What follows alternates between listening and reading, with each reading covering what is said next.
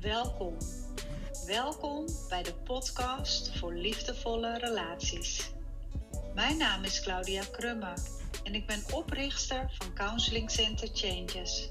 Ik begeleid mannen en vrouwen bij relatie- en liefdesverslavingen. Ik ondersteun mensen bij het loskomen van verslavende relaties, verlatingsangst, bindingsangst en codependency. Welkom bij mijn zondagse podcast. Vandaag wil ik het met je hebben over het thema rouw. rouw is een thema wat bij iedereen in het leven in meer of mindere mate plaatsvindt. En bij mij is het op dit moment weer actief. En ik ehm, geef over twee weken een gratis challenge waarin ik het onderwerp zal behandelen. En ik dacht, vandaag in deze podcast wil ik wat persoonlijke dingen met je delen over rouw. Met als doel om te kijken of jij ook nog rouw te verwerken hebt. En of ik jou kan inspireren om ermee aan de slag te gaan. want wanneer je niet met rouw aan de slag gaat en je rouw niet verwerkt, dan kan dat bepaalde consequenties hebben. je kunt er depressief van raken, je kunt er overspannen van raken, je kunt er psychisch of lichamelijk ziek van raken. alle oude wonden, ehm, alle onverwerkte gebeurtenissen in je leven die je niet verwerkt, ehm, noemen we gestapelde rouw. En gestapelde rouw wil zeggen dat rouw zich steeds stapelt en ehm, zich uiteindelijk uitmondt in een nou ja, negatieve consequentie als, hè, wat ik zojuist zei, een psychische of lichamelijke ziekte. Nou, wat voor vormen van rouw zijn er allemaal? Eerst misschien even de definitie van rouw. Rouw is het proces dat je doormaakt wanneer je iets of iemand verliest. En dat is dus heel erg breed. We kennen natuurlijk allemaal de rouw wanneer je een gezinslid verliest hè, of een partner of een kind, hè, iemand van wie je houdt. Of wanneer je een deel van je gezondheid verliest, hè, wanneer je verder moet leven met een ziekte of een handicap. Die kennen de meeste mensen ook nog wel, die vorm van rouw. Of wanneer je gaat verhuizen naar een ander land of een andere stad of een andere straat. mijn vriendin die heeft dat zojuist meegemaakt die mij er weer op wees. Hè, hoe heftig dat kan zijn. Hè, zelf heb ik dat eigenlijk nooit meegemaakt met een verhuizing. Ik heb altijd goed kunnen aarden weer op, uh, op een nieuwe plek. Uh, maar zij was echt tegelijkertijd heel blij met haar nieuwe plek. En tegelijkertijd ook heel verdrietig vanwege het afscheid van haar oude plek. Dus dat is ook belangrijk dat je je realiseert dat zowel de dankbaarheid of de positieve gevoelens gelijktijdig kunnen bestaan naast de wat verdrietigere en misschien wat negatievere gevoelens. Of verlies van, van financiën, hè, wanneer je in de schulden terechtkomt. Hè, ook dat is een rouwproces. Of wanneer je van baan wisselt hè, of ontslag krijgt. Ook een heel heftig rouwproces kan dat zijn. En dan het verlies van een geliefde. Hè, wat we natuurlijk ook vaak meemaken in uh, de thematiek waarmee ik werk. Hè, dat um, niet alleen het verwerken van de rouw naar boven komt hè, wanneer je afscheid neemt van een relatie, maar waarin ook de oude pijn vanuit je jeugd naar boven borrelt. wat een samenspel is van, uh, van rouw en van pijn. zowel de rouw uit je verleden als de rouw van het nu uh, wordt samengevoegd, wat het zo verpletterend maakt.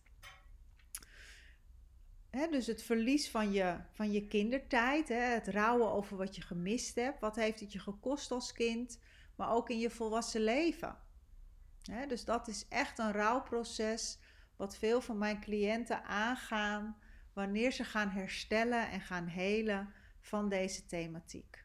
En dat is een levenslang proces. Dus verschillende vormen van rouw hebben hun eigen proces. Sommige processen kun je misschien in een relatief korte periode doorlopen. En dan voel je ook, dat is af. Maar de meeste rouwprocessen hebben geen eind, omdat er altijd weer een moment kan komen dat er een trigger van buitenaf of van binnenuit aanwezig is die ervoor zorgt dat de rouw weer geactiveerd raakt. Ehm, ik ga daar zo meteen wat over vertellen, naar aanleiding van mijn eigen leven. Maar als laatste wil ik nog even benoemen: verlies van een verslaving, een middel of iets anders hè, waar je verslaafd aan bent. Het afscheid nemen, ook van een overlevingsstrategie, hè, wat eigenlijk alle verslavingen zijn, ehm, zorgt voor rouw. Want het heeft ooit een functie gehad, het heeft lang een, een positieve intentie gehad. En het heeft je heel lang iets opgeleverd en uiteindelijk mag je het gaan loslaten. En ook dat is een rouwproces. Dus de zogenaamde valse hoop hè, die we heel veel zien in, in verslavende relatiedynamieken. Het loslaten van valse hoop is een rouwproces. Een heel bijzonder rouwproces. Het loslaten van het eten van suiker, het eten van gluten. Uh, noem maar op je kan het zo gek niet bedenken of het zijn allemaal rouwprocessen waarin je afscheid neemt van iets en er weer een nieuwe vorm ehm, ontwikkeld moet worden in je leven waarin je aanpast aan het nieuwe gedrag of de nieuwe realiteit. Dat is het eigenlijk. Bij het loslaten van de valse hoop gaat het over dat je de realiteit mag gaan omarmen precies zoals dat die is.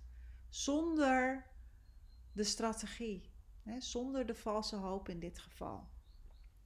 Nou, waar ik zelf uh, de afgelopen dagen mee te maken had, en vandaar ook dat ik vandaag de podcast erover wilde doen, was dat ik um, geconfronteerd werd met uh, een oude nicht van mijn moeder. Mijn moeder is een aantal jaren overleden aan ALS en heeft uh, euthanasie gepleegd. En um, tijdens het afscheid en tijdens de euthanasie waren er uh, twee nichten van mijn moeder aanwezig waar ik verder weinig contact mee had. Alleen tijdens die periode. En nu heeft een van deze nichten mij benaderd omdat ze een, uh, een boek aan het schrijven is over het, uh, het leven met een autistische man. En ze heeft mij gevraagd om tijdens haar boeklancering iets te vertellen over de thematiek waarmee ik werk. Hè, verslavende relaties, maar ook emotioneel onbeschikbare partners. En of ik haar eerste boek in ontvangst wilde nemen. Nou, super mooi, heel bijzonder. Uh, ervaar ik ook echt als een eer.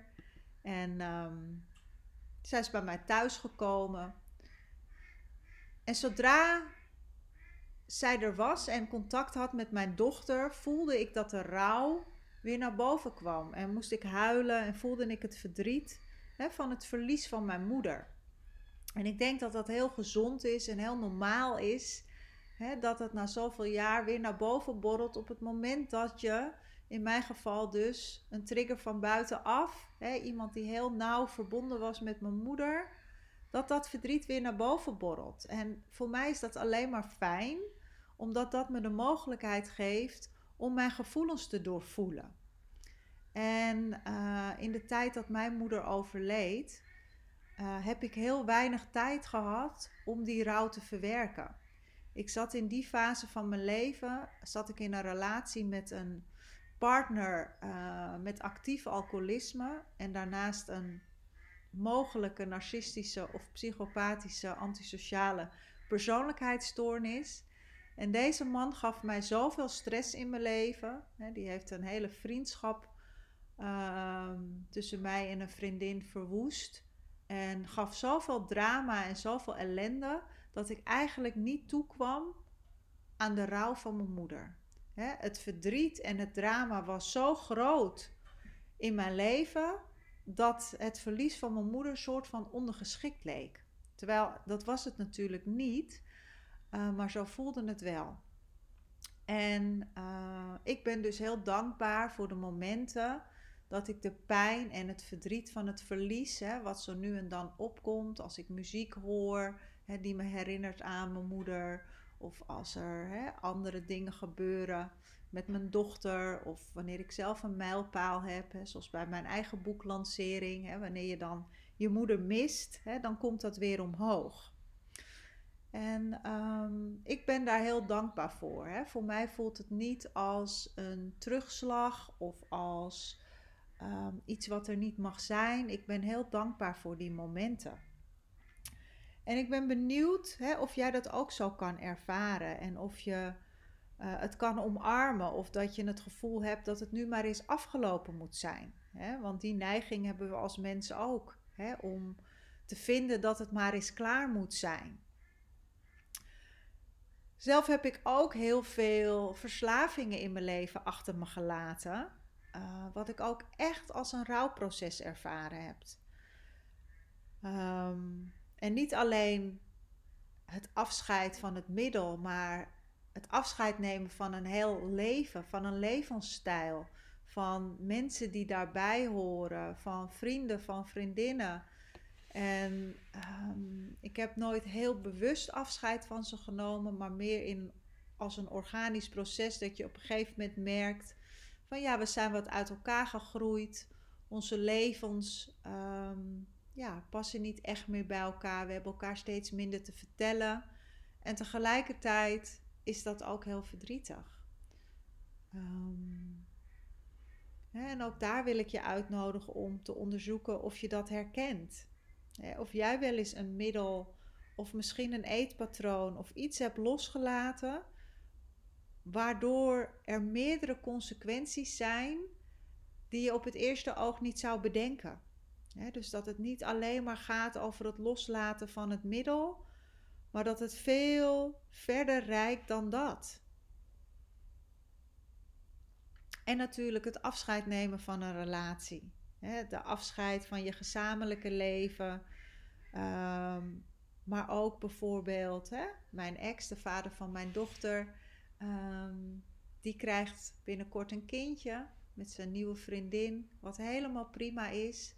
Maar ook hè, de realisatie dat je niet meer alleen de moeder van zijn kind bent. Hè, dat brengt ook weer een nieuwe laag van rouw met zich mee.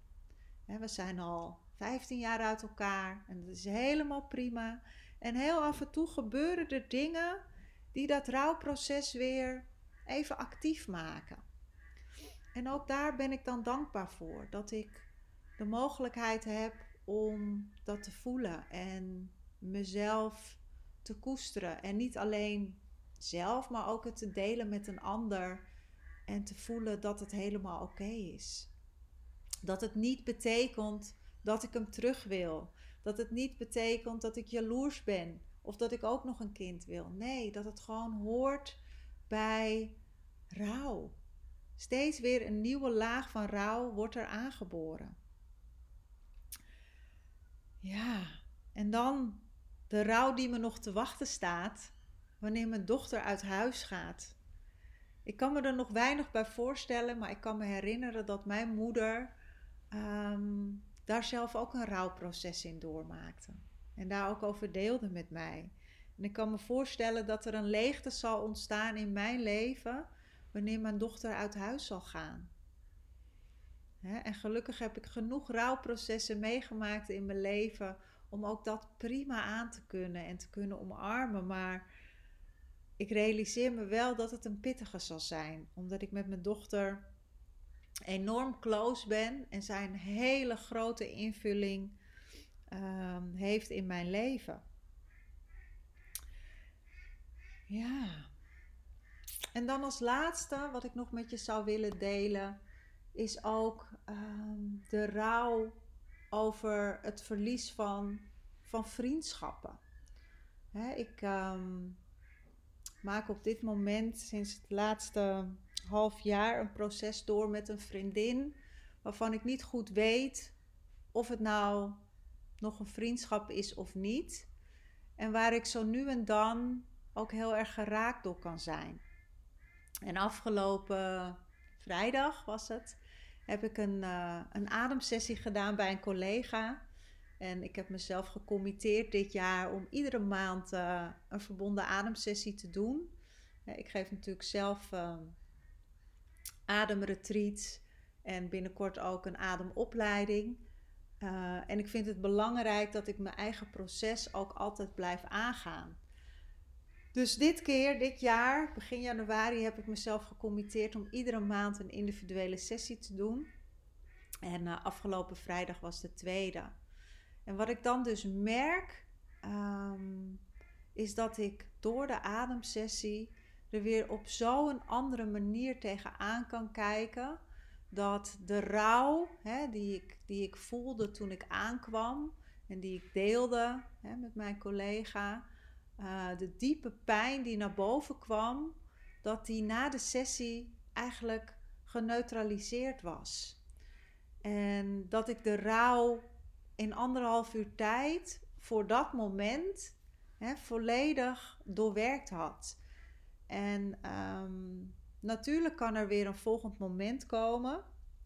Maar in dit geval voelde ik ook dat het niet alleen rouw, om rouw ging, maar ook om een innerlijk kindstuk wat aangeraakt was. Um, waarbij ik merkte hè, dat ik de goedkeuring van een ander, in dit geval van haar, um, heel erg belangrijk vond. En na de ademsessie was dat geneutraliseerd en kon ik mezelf gewoon weer helemaal op waarde schatten uh, en me helemaal goed voelen over mezelf, zonder dat ik die erkenning van haar nodig heb. En dat, uh, dat is en blijft een heel bijzonder proces. dus ook dat gun ik jou. Ik weet niet of je ooit uh, een verbonden ademsessie hebt ervaren. Maar dat zou ik je zeker aanraden in het, uh, in het verwerken van jouw rouw. En um, ja, volgende week dus van 12 tot en met, nee, van 14 tot en met 17 maart geef ik een gratis challenge. Iedere dag met een thema gerelateerd aan relatieverslaving en codependency. En uh, de tweede dag geloof ik, uit mijn hoofd zal gaan. Oh nee, de derde dag zal gaan over rouw. Um, en de tweede dag zal gaan over trauma in relatie tot uh, deze thematiek. Dus hele mooie onderwerpen op het programma. En um, misschien dat je erbij wilt zijn, uh, dan kun je je inschrijven. Ook als je er live niet bij kunt zijn, kun je, kun je de opnames terugkijken. Dus kijk maar wat goed voor je voelt. Voor nu wens ik je een hele fijne zondag. En uh, mocht je wat rouw tegenkomen, dan, uh, ja, dan zou ik zeggen, blijf erbij aanwezig en wees lief voor jezelf. Hè, tot een volgend moment en uh, doeg! Super bedankt voor het luisteren naar deze aflevering. Heb je iets gehad aan deze podcast? En denk je dat het ook waardevol voor een ander kan zijn? Deel het dan gerust op social media of aan iemand persoonlijk, op WhatsApp of op Messenger. Op deze manier draag ook jij een steentje bij aan mijn missie. Het is mijn missie om zoveel mogelijk mensen te ondersteunen bij het helen van trauma en oude wonden, zodat iedereen een gezonde relatie met zichzelf kan ontwikkelen en van daaruit ook met anderen.